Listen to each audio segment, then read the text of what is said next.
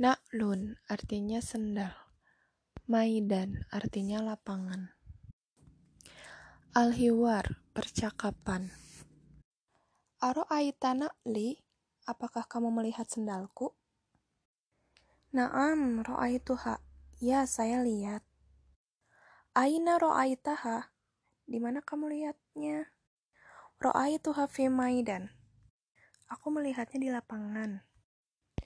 Istakmalatha Ustazah Nurul. Ustazah Nurul memakainya.